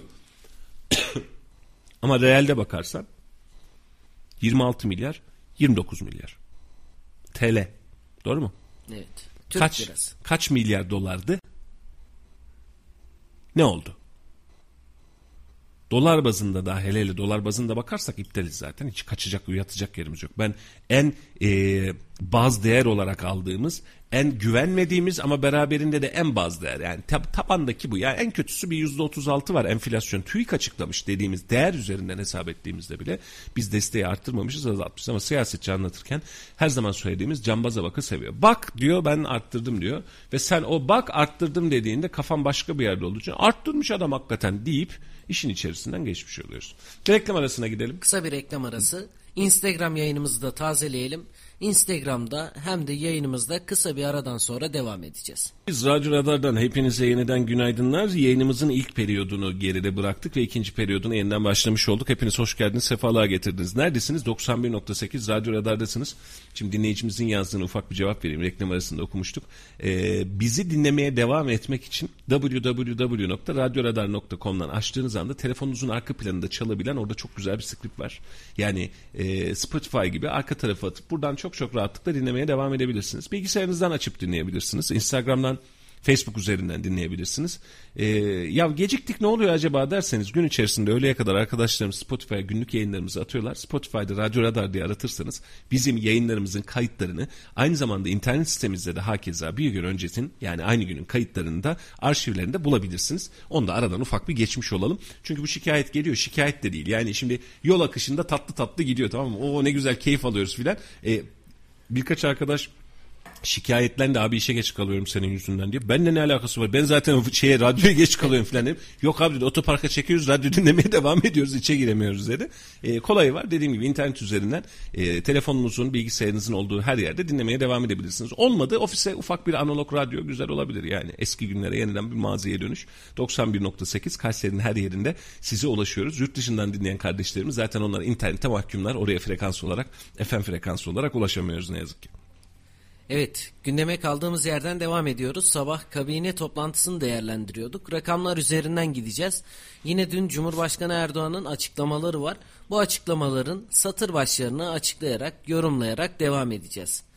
Dün elektriğe gelen kilovattaki indirimi konuşmuştuk. Yani bundan sonraki tarifedeki yeni güncellemeyi 150 kilovattan 210 kilovata çıkan güncellemeyi duyurmuştuk. Evet. Dün önemli bir gelişmede de, dezavantajlı ailelerin anaokuluna ve ana sınıfına devam eden çocuklarına yönelik yıllık 500 milyon liralık yeni bir destek paketi hayata geçtiğini açıkladı Erdoğan. Şimdi e, kredi garanti fonları e, ve bunlara bağlı olarak verilebilecek destek paketleri e, memleket için çok önemli ama niyeyse biz yıllardan beri bunu çok efektif kullanamadık. Mesela gidiyorsunuz kredi garanti fonu desteğiyle bir şeyler çıkartmaya çalışıyorsunuz. Kullanabilenler devam etti ama basit özelliklerle söyleyeyim küçük esnafın buna ulaşma şansı, buna ulaşma yeteneği hala minimumda. Hala sıkıntıdayız bu anlamda. Ee, ve orta boy esnaf da hakeza aynı noktalardan geçmekte sıkıntı yaşıyor. Yani bu veriyi mesela krediyi kolaylaştırmak adına, e, kredi limitlerinin arttırılabilmesi adına devlet bankasından esnaf olan mesela basit özellikleri. Bir yıl ve üzeri esnaf olan, iki yıl ve üzeri esnaf olan, ticaret kaydında vergisinde ben buradayım demiş olan, vergisini belli bir oranda ödemiş olan. Yani borcun yoktur demek değil. Yani borcu yok esnafı şu an beklemek tam bir hayal, tam bir ütopya. Yani mutlaka ki esnafın borcu olacak ama kardeşim sen sıkıntın ne kadar? Hani bunun için bir danışman örgütü kurarak yani senin sıkıntın ne kadar? Ben sana bunu kısa orta uzun vadede nasıl çözebilirim diyerek insanları parça parça yerlerden toparlayıp tek bir noktaya biriktirerek bir kredilendirme, bir destekleme çalışması yapılabilir. Ama yine söylüyorum açıklanan rakamlar rakam olarak açıklandığı zaman evet bize sanki bir nefes aldıracak gibi geliyor ama o rakam ne hikmetse bir türlü vatandaşın cebine, esnafın cebine girmiyor. Bunu pandemi döneminde de yaşadık. Kredi garanti fonunu biliyorsun. Hani kredi garanti fonu bu kadar çıkarttı dediler. Ticaret odaları üzerinden e, destekler çıkartıldı. E, mesela karşılıksız ya da uzun vadeli ödemeli krediler çıkartıldı. Herkes faydalanamadı. E burada da fırsat eşitsizliği doğmuş oluyor. Esnaf şu an ya ben ne yapayım dükkanı mı kapatsam acaba dediğinde dünkü açıklamadan sonra diyor ki aha bir fırsat daha çıktı gideyim kredi bulayım diyor. Bir ayda kredi arıyor. Bu arada borcu da büyüyor. O krediye ulaşamıyor da. Ulaşamıyor. Esnafa diyor ki kredi kartınızı düzenli ödememişsiniz diyor. Ya düzenli ödesem şeye kredi ihtiyacım olmaz zaten. Esnaf bu adam. Yer belli, yurt belli, mal belli, mülk belli. Yani ödeyememiş. Sıkıntı yaşamış. Geciktirmeye düşmüş. Şu an esnafa diyorsunuz ki sen mükemmel, kusursuz, tertemiz, ak ve pak, mis gibi olacaksın. Bilançoların normal olacak, vergini ödemiş olacaksın. Kredi kartından gecikmeye düşmeyeceksin. E zaten böyle esnafı bulsak oda başkanı filan yapacağız. Yok yani. Ciddi anlamda sıkıntı var. Bunun için de bu tür destekler çok önemli. Bak yine söylüyorum Meriç'ciğim çok önemli, müthiş önemli. Ama desteklerin miktarı, desteklerin verilme şekli, desteklerin rakamları, ödeme şekli otomatik olarak bizde bu umutsuzluğu daha önceki yıllara sahip ortaya çıkartıyor. Mesela Cumhurbaşkanı diyor ki e, işletmelerimizin ve bankalarımızın şu konuda hassas olacağını düşünerek nedir o konu? Kredilerin doğru kullanımı konusunda hassas olacağını düşünerek. Bak ne kadar güzel tespit. Bu hep konuşuldu. Daha önceki kredi garanti fonu destekleriyle 6 ay ödemesiz, bir yıl ödemesiz e, krediler, düşük faizli, faizsiz krediler verildiğinde insanlar gittiler işletmelerine yatırmaya yatırım yapmak yerine ev ve araba aldılar. Ve biz bunu kontrol edemedik. Burada esnafın sıkıntısı var. Canı burnunda. İşini döndürmesi lazım. Makine alması lazım. Dış ticareti belki açılması lazım. Başka bir şeyler yapacak. Cebinde parası yok. Oturduğundan kalkamıyor. Ama öbür tarafta bir esnaf malzemeye çok rahat ulaşabiliyor. Bazı teamülleri yerine getirmiş ya da vakti zamanında bu bağlantıları kurmuş. E gidiyor ya ben bir arabayı mı değiştirsem diyor. Değiştirdiler. Araba piyasasının, piyasasının artma sebeplerinden bir tanesidir bu mesela. Kredi Garanti Fonu'nun vermiş olduğu desteklerle insanlar araba ve ev aldılar. Ticarete döndü mü? Döndü. Yani bunun için bu sıkıntıları aşabilmek adına bizim gerçekten kalıtsal, kalıcı, insana dokunan, topluma dokunabilecek çalışmalar yapmamız lazım. COSGAP diye bir gerçeğimiz var mesela. COSGAP'te firmalar giderler üye olurlar. Firmaların da danışmanları vardır. Ne yapar COSGAP? Proje hazırlarsınız. Ne yapar destek? İşte istihdam, iş gücü istersiniz vesaire. Kaç tane insan kullanabiliyor? Ne kadar halka nüfuz etmiş durumda? Mesela şu an hala iş kurun, iş kur kaynaklı iş alımlarında destekleri var. Bilen biliyor. Bilmeyen için hala bir muğlak var burada. Veriye ulaşma dengesini birazcık daha adil hale getirirsek belki rahat edeceğiz. Ama yine altını çizerek söylüyorum. Dünkü 150 kW'ın 210 kW'a çıkartılması. Beraberinde istihdama destek, işverene destek, sisteme, e, ekonomiye destek anlamında yapılacak yapılan paket açıklamaları çok değerli. Tek sorun şu, bunun değerlendirme yöntemi, kıstası, verisi çok daha nitelikli incelenmeli. Mesela bir önceki pakette bir şey açıklandı. Dediler ki meslek lisesi ya da üniversite mezunu insanların bir yıl istihdam edilmesi kaydıyla bir destek verilecek dendi. Kaç kişi kullanabildi? 100 bin liralık bir destek olacak. Meriç'im ee, yani güzel para. Kötü para değil. Güzel para. Ama senin ona ulaşma şansın ciddi anlamda zorlaşıyor. Standartlardan dolayı zorlaşıyor. Şimdi biraz önceki bir konuştuğumuz hadise. Çiftçiye destek verdik. 26'yı 29'a çıkarttık. Çıkarttık elinize sağlık. Enflasyon karşısına baktığımızda normalde zaten TÜİK enflasyonuna göre 26'yı 35'e çıkartmamız lazım. Biz desteğimizi arttırdığımızı düşünüyoruz artmıyor. İşte gübre fiyatlarındaki, yem fiyatlarındaki artışı hepimiz biliyoruz. Öyle azmaz fiyatlar filan artmadı. Mesela gübre fiyatlarındaki sancıyı biz gübreyle alakalı gerekli müdahaleyi yapacağız dedik. Hala bekliyoruz. Fahiş fiyatlar var. Üç harfliler, dört harfliler yüzünden dedik. Yine bir cambaza bak çevirdik işin içerisinde. E bir bakıyorsun e, una zam gelmiş, pirince zam gelmiş, öbürüne zam gelmiş, ekmeğe zam gelmiş, e, dürüme zam gelmiş, çorbaya zam gelmiş, her şeye zam gelmiş. Beğenmediğin çorbayı yani normal dırık çorba diyebileceğimiz malzemesiz çorbayı 25 liraya içeceksin. E bunların hesabını yaptığın zaman bunların mantığına baktığın zaman nerede olduğumuzu bir kez daha anlıyoruz. Ve yine söylüyorum devlet kötü niyetli değil. Ama uygulama ve uygulamayı yapan bürokrasi iyi niyetle halde de değil. Bunun herkese ulaşabilmesi için mesela vergi dairesi size bir tebliğ yapmak için kapınıza kadar geliyor. Tebligatı veriyor. Sistemden takdiye sisteminizi gösteriyor. Bak senin burada bir sıkıntın var diyor. Devlet bizim aldığımız verdiğimiz tüm vergisel dönemleri biliyor. Bunu vergi dairesi üzerinden çözün o zaman. Yani ora farkında durumun ne olduğunu bilincinde. Ve temel itibariyle şunu söyleyeyim. Köşedeki bakkal amcam, kasap amcam, fırıncı. Bu kardeşlerim bu malzemeye, bu paraya nasıl ulaşacak? Bu elektrik doğalgaz faturasının altından nasıl çıkacak? Fiyatı arttırdığı için azalan işlerini nasıl tölere edebilecek? Birileri de buna cevap verebilirse kafamız rahat edecek. Ama e, bol miktarda rakam açıkladığımız, bol miktarda gündem açıkladığımız ama beraberinde alt tarafında bir veriyi tutamadığımız süreçlerin içerisinden geçmeye son 3 aydır devam ediyoruz. Şimdi farklı bir alana geçelim. İki önemli başlığım var. Bunları da konuşmak istiyorum. Türkiye'nin ihracat rakamları açıklandı dün. Evet. Türkiye'nin ihracatı 2021'de bir önceki yıla göre 32.8 artarak 225 milyar 291 milyon dolara yükseldi. Doğru. Dış ticaret açığı %7,5 azalarak 46 milyar 133 milyon dolara geriledi. İhracat için güzel, sevindirici bir Bu rakam. Aralık ayının başarısı Meriç'im. Dolardaki astronomik çıkışın anlık fırsat ve pazar görünmenin e, hem güzelliği hem kötülüğü. Şimdi güzellik tarafından bakınca şöyle e, bu kadar milyar dolar fazladan gelir elde etmişiz. Dış ticaret açığımız da düşmüş. Bu zaten e, hedeflenen tablonun bizzat kendisiydi. Ama burada şu malzeme çıktı ortaya. Ham madde olarak gönderdik. işlenmiş yılın olarak gönderemedik. E, bunun altyapısal organizasyonunu rahat yapamadık. Yani Sunta'yı mobilya yapıp değerli hale getirip götürmek yerine Sunta'yı doğrudan yurt dışına sattık. Hal böyle olunca biz oradaki kazanabileceğimiz katma değer oranını sadece suntacının kazanabileceği para haline getirmiş olduk. Bunu yaparken şimdi elimizde sunta var. Suntayı biz buraya Kayseri'ye indireceğiz. Mobilya haline gelecek. 10 liralık sunta 50 liralık 10 e, liralık üzerine işçilikle beraber misal olarak veriyorum 20 lira. Bunun da satışı markasal değerlerle ürün değeriyle beraber 30-35-40 lira olacaktı. Biz bu işten para kazanacaktık ve gerçekten stratejiyi doğru yapabilmiş olsaydık bu anlamda da çok ciddi rahat edecektik. Para da kazanacaktık. Ama şöyle oldu. Mobilyacı tam işe başlayacak, üretecek malzeme yok dendi. Sünger sünger yok. Yay yay yok. Sunta sunta yok. Medefe medefe yok. Profil profil hiç yok. Cam hala yok. O gün yoktu bugün hala yok. Ya iyi de kardeşim ben ihracat yapacağım. Yok ki. Olsa dükkan senin. Bu arada birileri ne yaptı biliyor musun?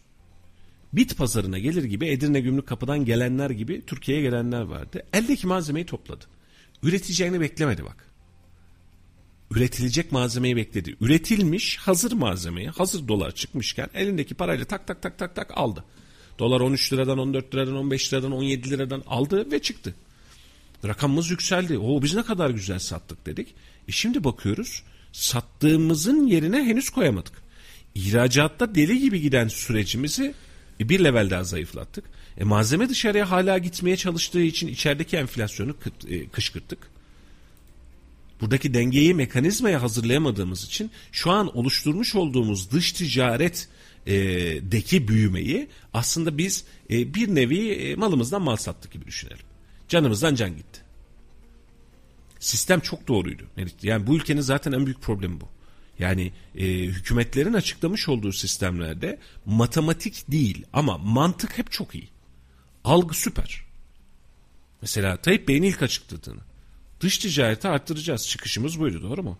Yani Pekin'le Avrupa arasında bir aslında biz merkez olacağız. Üretim yapacağız. Gerçekten hala beni heyecanlandırıyor bu kurgu. Bu, bu çok güzel bir şey. Ama siz bunu dengelerseniz güzel. Ve bak biz bir şey denedik. Bir ay içerisinde artık bundan bahsetmez hale geldik. Denediğimiz şeyle baş, başka bir şey çıktı ortaya. Ve karşımıza çıkan tabloya baktığımız zaman da zarar gördük. Şimdi dün Cumhurbaşkanımız diyor ki e, bu tür enflasyon dönemleri ne yazık ki yaşadık, yaşıyoruz. Ama her geçen ay bir önceki aydan daha iyi olacak. Sabah sen ne dinledik aynısını. Kim hatırladık? Berat Albayrak'ı hatırladık. Yani hep vardı ya hani. Mayıs Nisan'dan Mayıs, filan. Yani, Nisan'dan. evet, aynen öyle. E, bu mantıkta ya inşallah olur. En büyük temennimiz o. En büyük temennimiz Ki o. olsun da yani bu ülke hepimizin. Aynen öyle. Ha bunu yaparken aradaki 2-3 aylık zararımızı ve ülkenin gerçekten devasa boyuttaki zararını birileri mantık olarak açıklasın. Bu böyle mi yapılmalıydı? Daha iyi yapılabilir miydi? Bunun sistemi tüm basamaklarıyla oturtulabilir miydi? Oturup bir kez daha konuşmak lazım. Yani sıkıntımızı orada orada olarak görüyorum. Yani ihracat olarak güzel sevindirici. Böyle rakamları ülkemize gelen tutarları gördükçe seviniyoruz. Ama farklı bir durum da var. Bu konu özellikle parantez açmayı istediğim bir konuydu.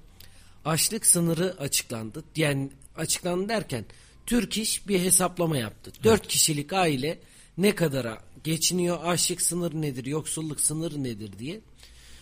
Türk İş'in rakamlarına göre açlık sınırı 4249 lira 95 kuruşa yükseldi.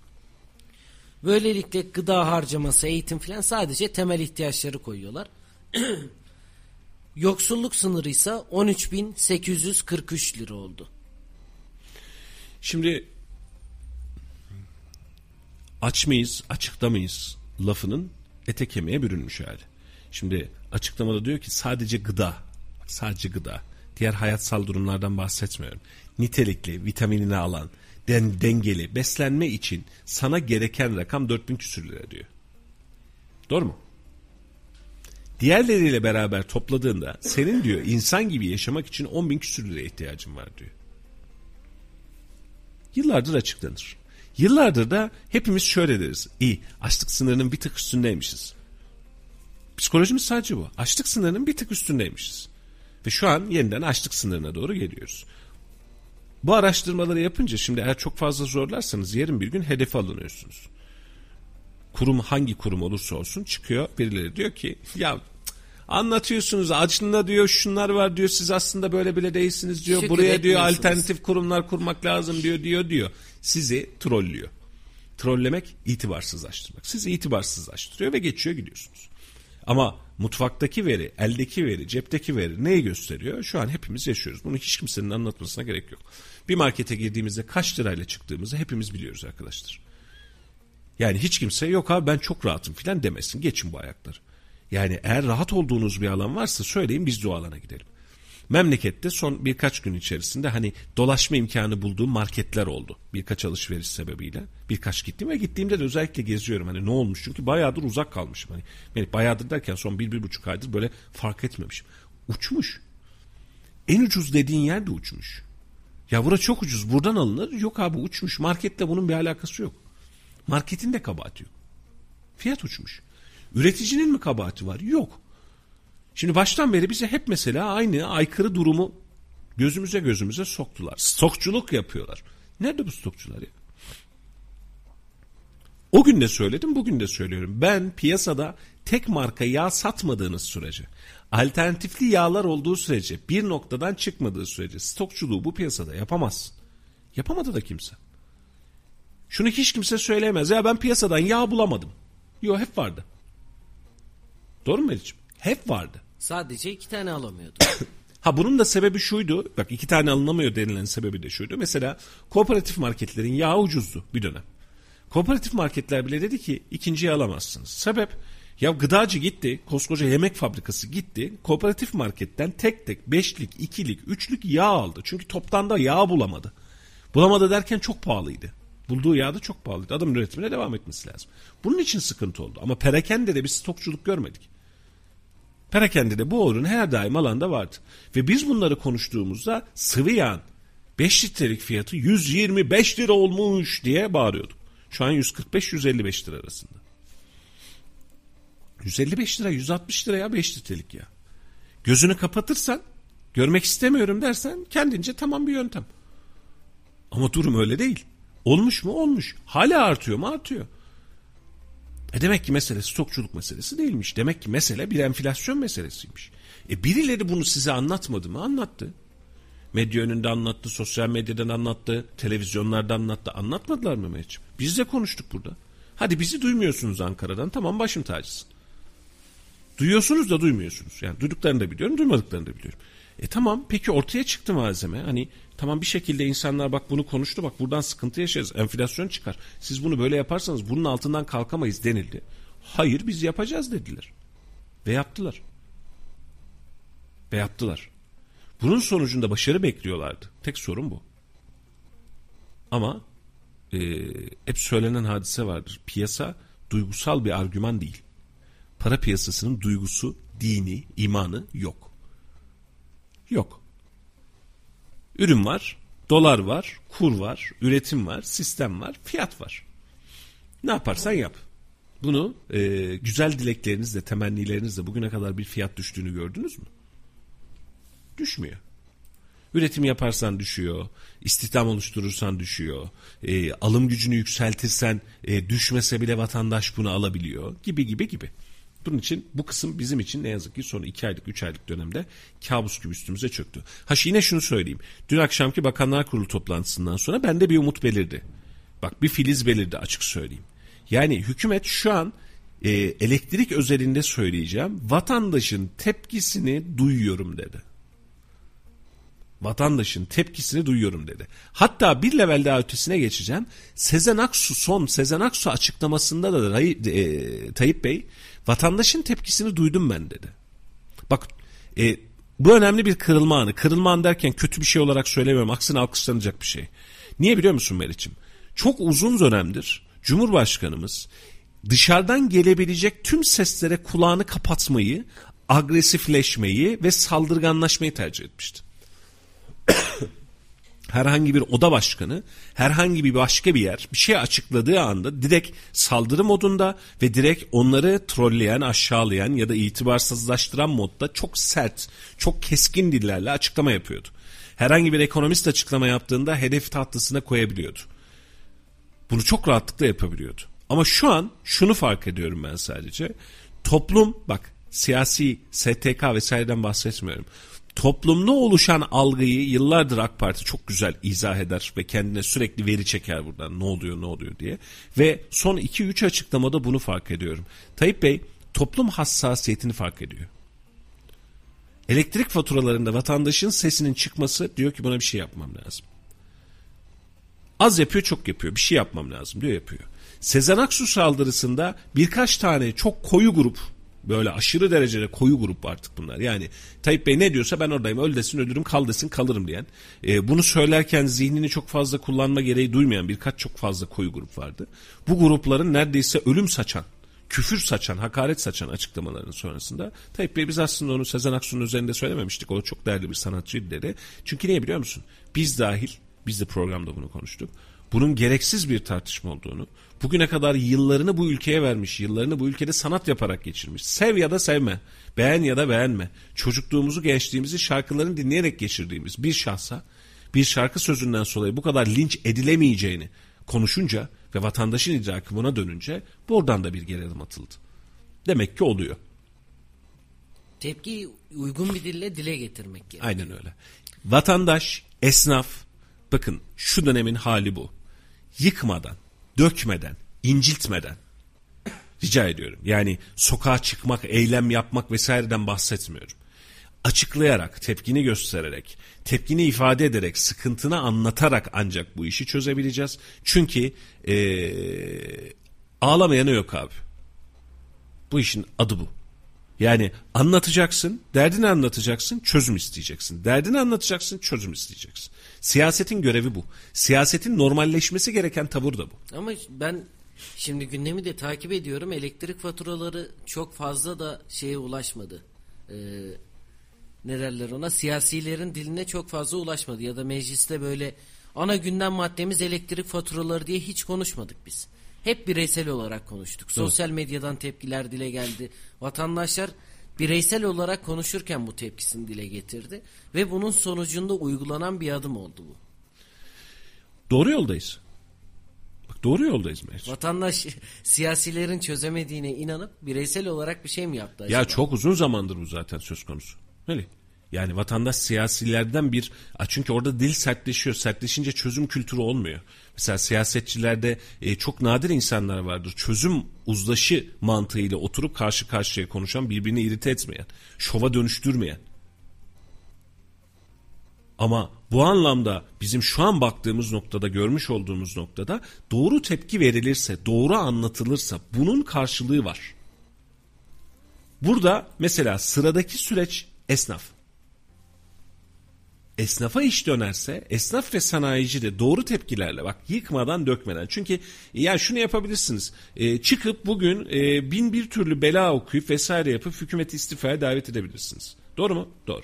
Peki siz siyasi parti misiniz? Değilsiniz. Değilsiniz. Peki bunu kim izah edecek? Kim yapacak? Bunu seni seçime davet edecekse siyasi parti davet eder. Bir STK ne yapar? Bir işletme ne yapar? Bir iş adamı ne yapar? Benim sıkıntım vardır. Bakın bu konuda sıkıntı yaşıyoruz der. Doğru mu? Şuna yetişemiyoruz der. Buna çözüm bulunması lazımdır. Demokratik sistemin gerekliliği bu. Hükümetler de, siyasetler de, siyasetçiler de bununla alakalı gerekli işi yapar. Kırmadan, kırılmadan, hiç bozulmadan vatandaşın sıkıntısı var kardeşim çözeceksin diyerek bu işi çözer. Ve herkes rahatlar. Yani yarın bir gün sanayiciler çıkıp grup halinde tek tek ayrı ayrı ya kardeşim bak sıkıntımız var. Bak burada bunumuz var. Burada bu eksiğimiz var. Burada bu yapılmalı diye tekliflerini sıralamalı. Hükümet yemin e, emin olun bir sonraki bakanlar kurulunda gelen tepkilerin üzerine, gelen açıklamaların üzerinde tamam şu konularda da şu güncellemeleri yapıyoruz der. Ama herkes padişahım çok yaşa derse hiç kimse de ağzını açmazsa bu işin içinden gerçekten çıkamayız. Ve çıkamadık da bugüne kadar. Ve dediğim gibi dünkü Bakanlar Kurulu toplantısı sonrası yapılan açıklama bence miladi bir açıklamaydı. Açıklamanın içeriği sebebiyle değil, tarzı ve şekli sebebiyle bir milat kabul edebilecek dönemdi. En son Sezen Aksu açıklaması, ardından dünkü açıklama. Şık. En azından hükümet şunu diyor, Cumhurbaşkanı şunu diyor. Tepkiler var fark ettik. Biz bir şey yapmamız lazım. Ki bir vatandaş olarak Cumhurbaşkanını izledik. Yani şunun için söylüyorum. Önceki toplantılarda konuştuğumuz mevzulardan biri de Bay Kemal diye başlıyorduk. Evet. Muhalefetle münakaşa oluyordu. Harika. Ama dün sadece çözüm odaklı gittik. Gelen müjdeler vardı, açıklamalar vardı. Yani bir cumhurbaşkanı olarak ben oturdum, izledim ve gerçekten ne haber gelecek diye keyifle izlediğimiz bir yayın da oldu açıkçası. Ee, normalleşirsek hukuku, adaleti, dinlemeyi, demokrasiyi, anlamayı, anlatmayı yeniden birbirimize anlatabilirsek, çözebilirsek bu işin içerisinden çok rahatlıkla çıkacağız Mel. Yani en büyük ihtiyacımız bu. Bak açık söylüyorum. Yani öncelikli olarak adalet ve liyakat duygusunu gerçekleştirmemiz lazım bu ülkede. Hükümetin kim olduğunu hiçbir önemi yok. Hiçbir önemi yok. Mesele milletin var olma sebebi. Ve inandığımız değerleri, bildiğimiz değerlerin hepsinin üzerine koyarak, inşa ederek gitme değerlerimiz. Şimdi hukuktan bahsedelim. Hukuku olan güveni arttırmaktan bahsedelim. Hukuksal düzenlemelerden bahsedelim. Peki ya Cumhuriyet bunu istiyor diye. Yo. İslam da bunu istiyor. Hristiyanlık da bunu istiyor. Her şey bunu istiyor. Bunu istemeyen, doğru adaletin tecelli etmesini istemeyen, istetmeyen tek şey vardır. Suçluların kendileri. Herkes doğru adalet ister. Doğru muyum? Ve bizim bunu sağlamamız lazım. Liyakat sağlamamız lazım. Sağlamamız lazım. KPSS ise KPSS. Sistem bu değilse başka bir sınav. Ama benim çocuğum çıktığında torpile ihtiyaç duymadan hakkıysa hakkıyla kazanacak ve sen de bana bunu inandıracaksın. Ben inanacağım sen de inanacaksın. Peki inanmak için ne yapmak lazım Melih'ciğim? Ben sana diyorum ki memlekette torpil olmaksızın işe alımı var. Bunu sana inandırmak için ne yapmam lazım? Bunu uygulamam lazım. Uygulandığını benim görmem lazım. Bu kadar. Ve bunları sağladığımız zaman ülke demokrasi.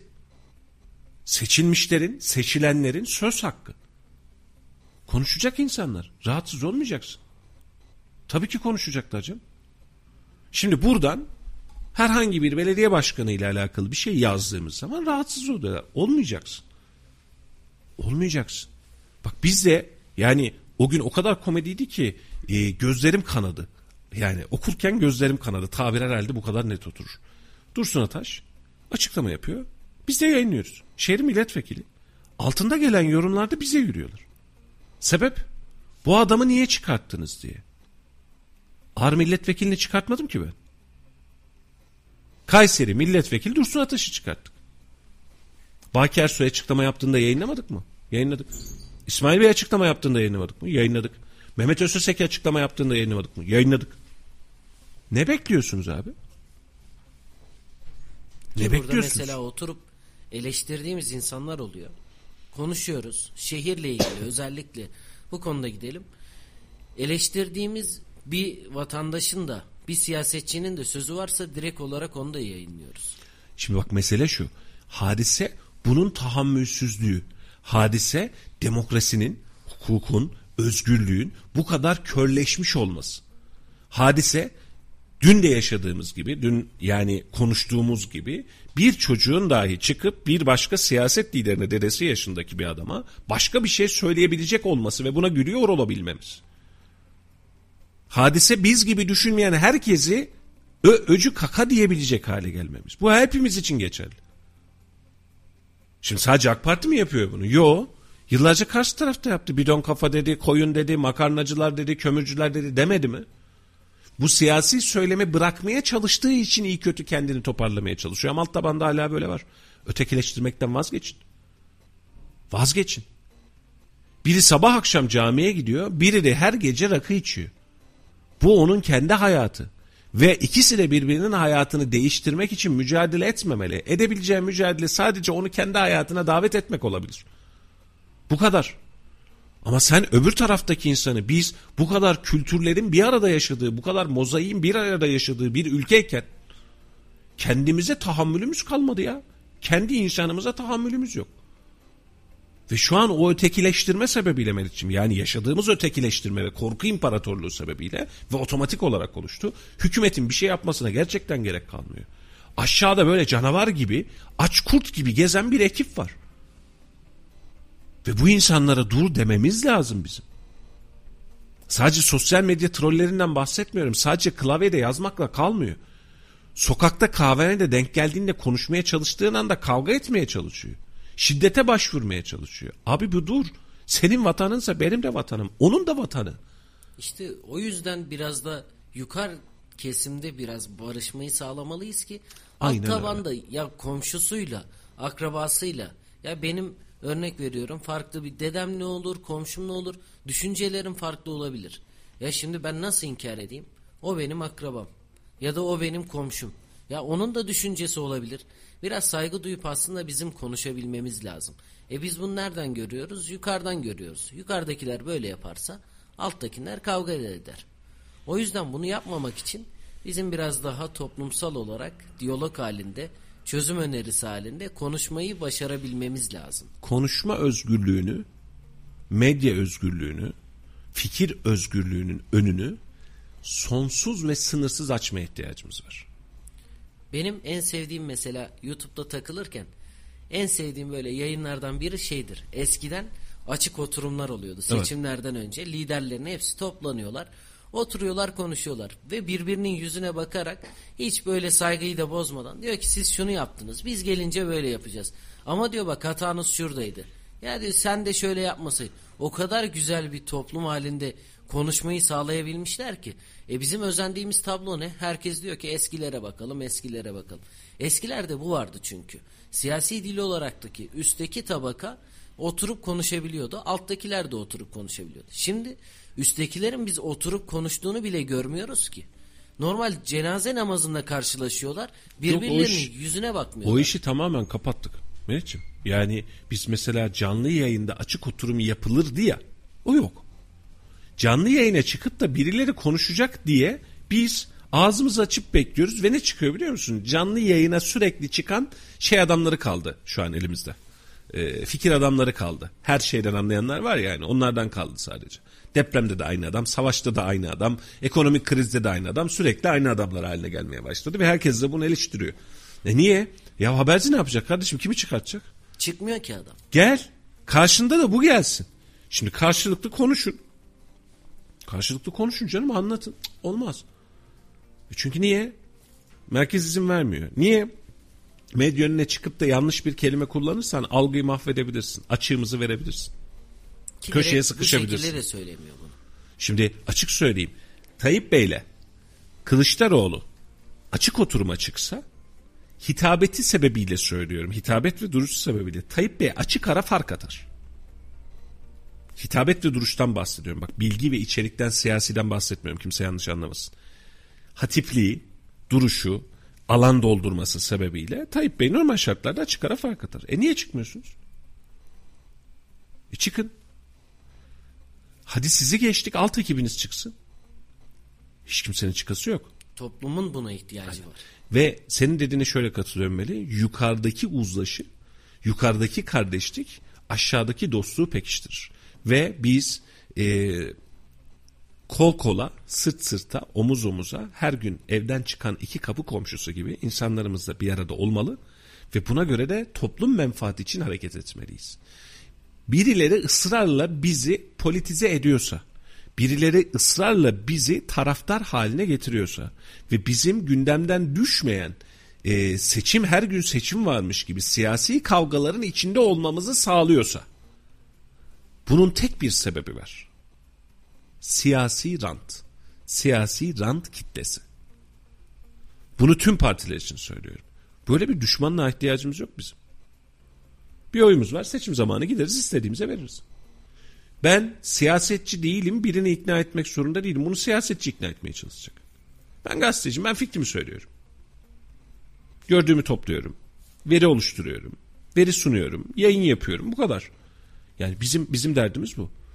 Peki herhangi bir vatandaşın, komşunun seni AK Parti'ye geçireceğim, seni CHP'li yapacağım, seni MHP'li yapacağım deme lüksü var mı? Normalde olmamalı.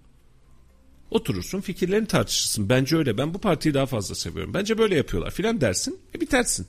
Bitirirsin. O da fikirlerini söyler ve biter. Yok abi. Biz mesela yani başka bir partiye oy verdiğini düşündüğümüz adamlara izzetleri, şerefleri, nefisleri dahil olmak üzere aklımıza gelebilecek her türlü hakareti yapabilme hakkını kendimizde hak ve şey görüyoruz.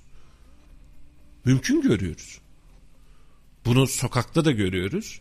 Bunu sosyal medyada da görüyoruz. Var adam hala böyle devam ediyor. Açıklayacak kardeşim. Adam seçilmiş ya. Senin gibi evde oturup da tosun beslemiyor. Adam seçilmiş, çıkmış meydana, senin çıkmadığın alanda siyasete soyunmuş, doğru mu?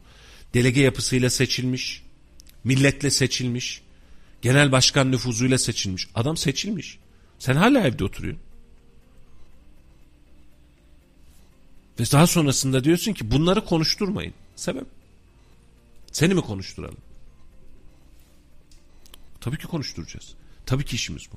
Ama üzerimizdeki tahammülsüzlüğü, üzerimizdeki bu mahalle baskısını, yıllardır üzerimizde oluşan ve üzerimize yapışan bu mahalle baskısını öncelikle hukuku düzelterek, hukukun çok net, saydam ve şeffaf olacağını düşünerek, birilerinin bize Silivri soğuktur demesinden korkmayarak, istediğimiz şeyleri rahat rahat ve izanıyla söyleyerek, şirazesini kaçırmadan, dozajını kaçırmadan, hakaret etmeden, söyleyerek, fikirlerimizi açıklayarak biz bu günleri aşacağız.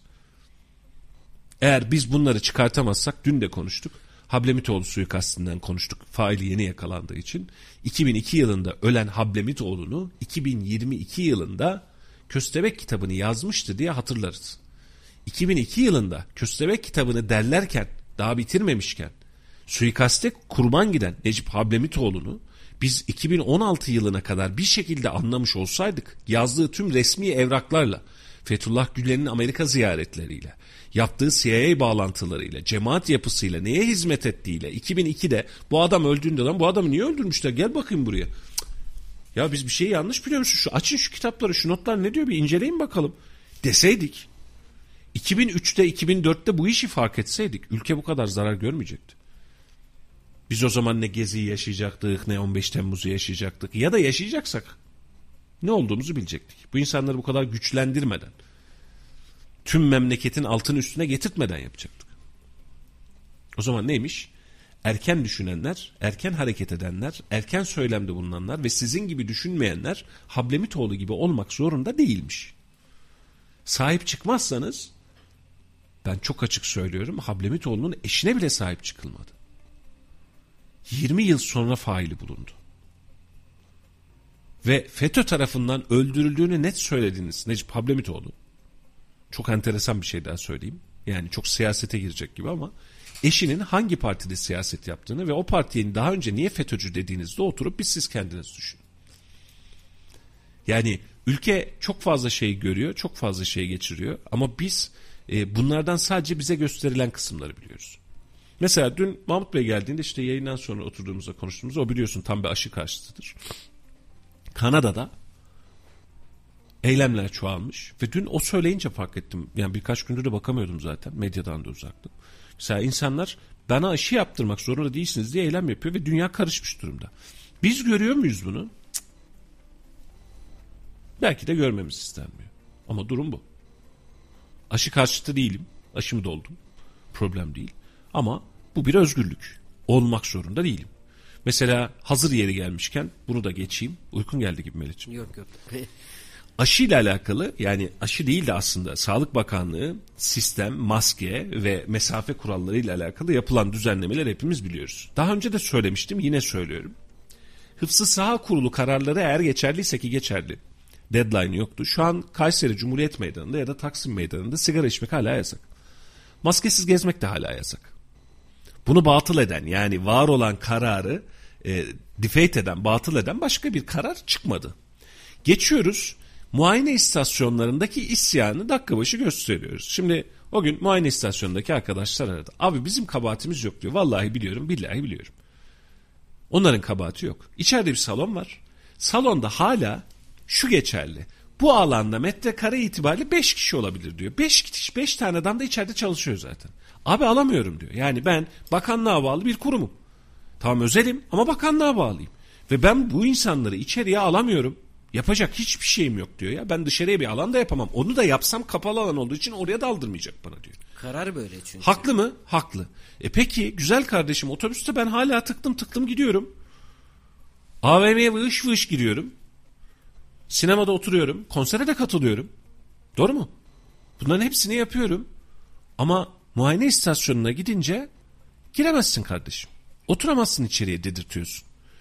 Bu dedirttiğini de kendini hiçbir şey yapmamış gibi kenardan izliyorsun. Oradaki TÜRTÜRK'teki çalışan dört tane arkadaşımın başına tatlıyor kabak. E aç. Aç abi. Adamlar gitsin içeriye.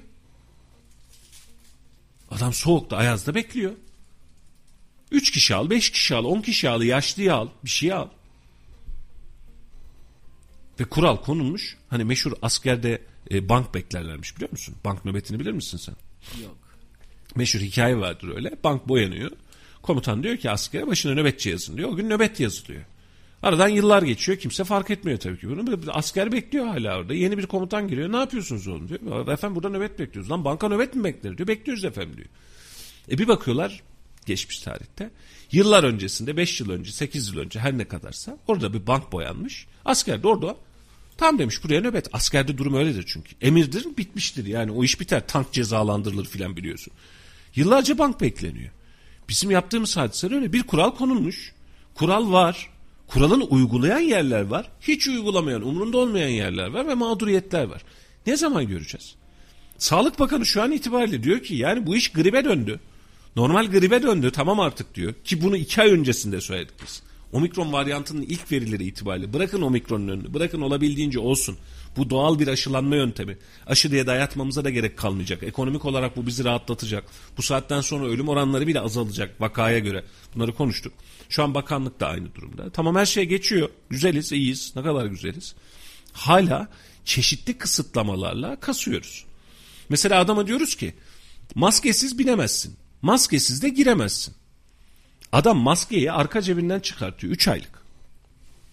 Kimi koruyor abi bu maske? Kimi koruyor? N95 filtreli maske falan mı takıyoruz biz? Kimi koruyor ya?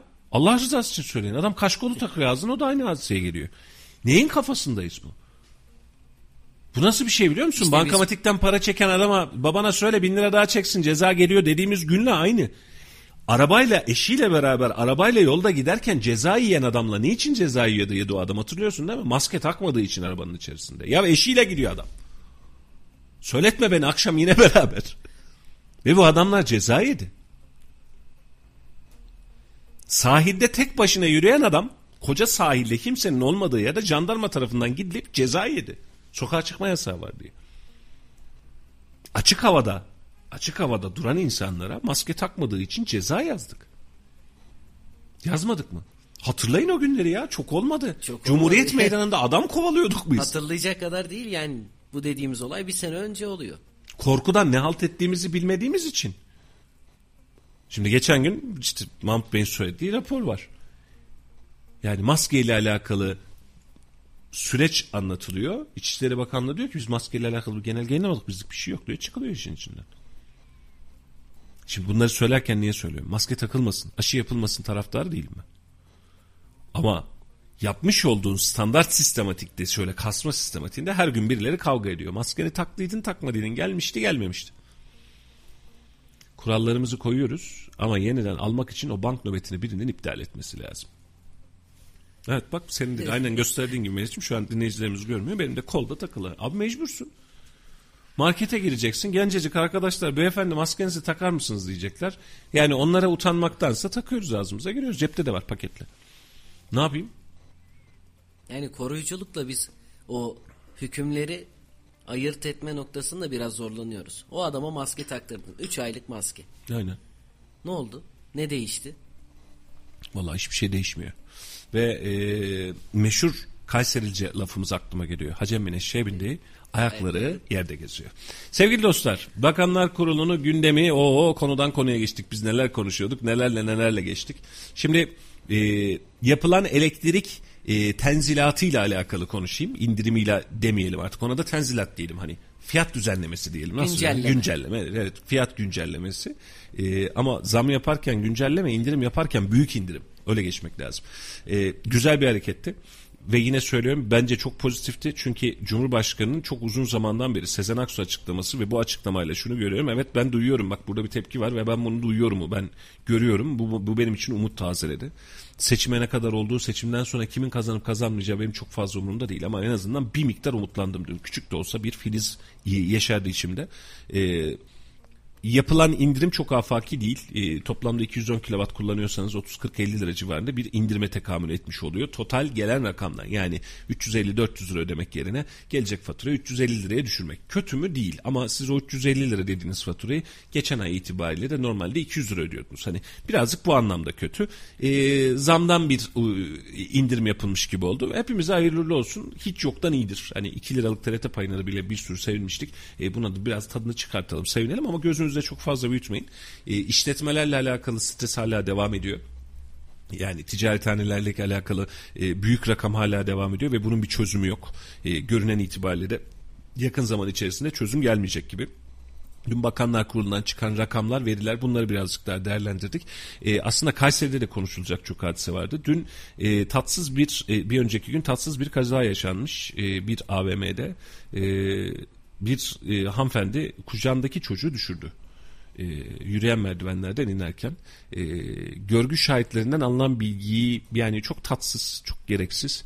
E, burada e, güvenlik kamera kayıtlarını e, polis arkadaşlarımız almışlar, incelemelerini yapıyorlar ve aileyle alakalı soruşturma başlatılmış. Alanla alakalı e, ya da alanda güvenlik tedbiri var mıydı yok muydu alakalı e, bir sıkıntı olmadığı e, bize geldi. Dün gelen e, hadiselerle de birazcık daha incelemeye çalışmaya yapmaya çalıştık. E, savcılıkta durumla alakalı harekete geçmiş ve o 3 aylık çocuk hayatını kaybetti. En e, kötümser nokta bu. E, daha bilinçli anne babaları yetiştirmek umuduyla hani dikkat eden anne babaları siz gözünüzden kaçınırken anlık bir kazadır olur dersiniz. Olur da yani buna da bir şey demem ama e, kucaktan çocuk düşürmek gerçekten zor ve riskli bir iştir. Bir anne için de çok riskli bir iştir. Allah rahmet eylesin. Yakınlarına e, sabırlar versin. E, ama dün Kayseri'nin tatsız hadiselerinden bir tanesi buydu. E, Kayseri gündeminde STK'lar var Kısacık ona da geleyim ardından da çıkayım. Ee, akil heyet diyebileceğimiz yani Mehmet Özteseki başta olmak üzere belediye başkanları dahil olmak üzere STK'lar için bir organizasyon yaptı. Daha öncesinde de STK'ları e, Mehmet Özteseki Ankara'da ağırladı. E, sonra da burada böyle bir yemekli organizasyon yapıldı. E, Esnaf Kredi e, Kooperatifi dahil, Mustafa Alan dahil, e, diğer odalar dahil, seçime girenler ve girmeyenler dahil olmak üzere STK'larla, odalarla e, böyle bir e, toplantı yapıldı. Yemekli toplantı yapıldı. E, üzülerek söylüyorum. E, daha önce de söylemiştim. Ben uzun zamandır aslında bununla mücadele etme gereği hissediyorum kendimde. Siyasetin STK'lardan uzak durması gerekliliğini her defasında kaçırıyoruz. Ve her defasında yan yana poz verip aslında biz de bunlarla beraberiz. E, biz bunlara destek veriyoruz kıvamına e, gelmeye çalışıyoruz. Bundan kaynaklı olarak da sıkıntı büyüyor. STK'larda özellikle tüm siyasilerden rica ediyorum. STK üyelerinden de rica ediyorum. Sivil toplum örgütlerinizi siyasileştirmeyin. Berberler Odası için aday olan bir adayımız vardı. Haberini yapmıştık belki hatırlıyorsun. Güzel bir lafı var. Ee, pandemi zamanında memur olanlar seçim zamanında esnaf olmaya soyunuyorlar. Bize seçim süreçlerinde değil sürekli olarak esnafın hakkını koruyabilecek, doğru cümleler kurabilecek, doğru projeler geliştirebilecek insanlar lazım. Yıllanmış şarap gibi bir şey değil bu. Yıllandıkça tatlanmıyor. Ve işin en kötü tarafı vatandaş buna hakim olmasına rağmen, biliyor olmasına rağmen aynı noktaya yeniden dönüp gidip merhaba diyor. Hiçbiri babamın oğlu değil. Hiçbirini de doğru düzgün tanımam. Ama siyaset bulaştığı anda kim bulaşırsa bulaşsın huylanıyorum açıkçası. Çünkü siyasetin ne işi var? Bir huzursuzluk oluyor. Şimdi şöyle düşün. E, herhangi bir oda başkanı ya da esnaf kefalet başkanlığına, esnaf odaları başkanlığına sen geldin. Siyasetçinin kapısına gittiğinde siyasetçi benim 50 tane oyun var diyen köyden gelen veli babamı bile başının üstünde taşıyor ya. Efendim sen binlerce esnafı temsil ediyorsun. Efendim esnafımızın şu şikayeti var. Bu konuda da sizden yardım bekliyoruz dediğinde kapıyı mı yüzüne kapatacak? İlla kendinden mi olması lazım? İlla bizim olan mı olması lazım? İlla lazım olduğunda Ahmet, Mehmet, Mustafa şunları şöyle şöyle yapın oğlum mu denmesi lazım? Komut mu alması lazım?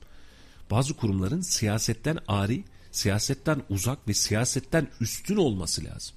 STK'lar özellikle söylüyorum bakın odalar, STK'lar çok net bizim tanımımızda tersine gidiyor. Siyasetten üstündür. Oradaki tanım milletvekilinden de üstündür. Ne anlamda? Protokoldeki yer anlamından bahsetmiyorum.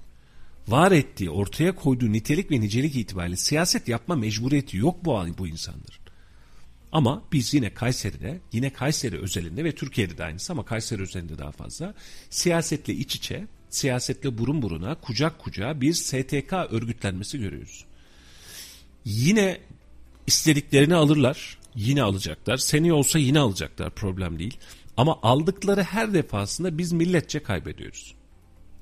Kaybetmeye de devam edeceğiz. Çünkü yarın bir gün e, berberlerin sıkıntısı var kardeşim baskın yiyoruz ne yapıyorsunuz siz diyemeyenler dün diyemeyenler bugün aynı yoldan devam edecekler. Bu sadece bir örnekle lokantacılarda başka bir şey söyleyenler yarın aynısını yaşamaya devam edecektir. Meşhur Timur'un fil hikayesine döner. Timur gider bir bakar arkada kimse yok. Halbuki fili köyden alsınlar diye göndermişlerdi Nasrettin Hoca'yı Timur'a. Hoca der ki efendim bize bir fil az geliyor ikinci fili gönderin. Eğer size bir fil az geliyorsa bildiğiniz yoldan devam edin. Efendim toparlayalım. Veda edelim. Güzel bir yayındı. Ee, içlimizi döktük. Ee, siz de bize katıldığınız için hepinize ayrı ayrı teşekkür ediyoruz. Yol arkadaşlığınız keyifliydi. Mesajlarınız, yorumlarınız için okuyabildiklerimiz ve hiç okuyamadıklarımız var arka tarafta. Dostane olanlar var. Onlara hiç dokunamadık. Hepinize ayrı ayrı teşekkür ediyoruz. Yarın yine aynı saatte, aynı frekansta görüşmek üzere. Melih'ciğim son vedayı sana bırakayım. Bugün çok konuştum hiç konuşturmadım Yok, sana. Her sabah konuşuyoruz. Günü gündemi değerlendiriyoruz. Sohbet muhabbet edasında oluyor. Biz de memnun kalıyoruz. Siz de bize mesajlarınızla destek verdiğiniz için hepinize ayrı ayrı teşekkür ederiz. Yarın aynı saatte görüşünceye dek hoşçakalın.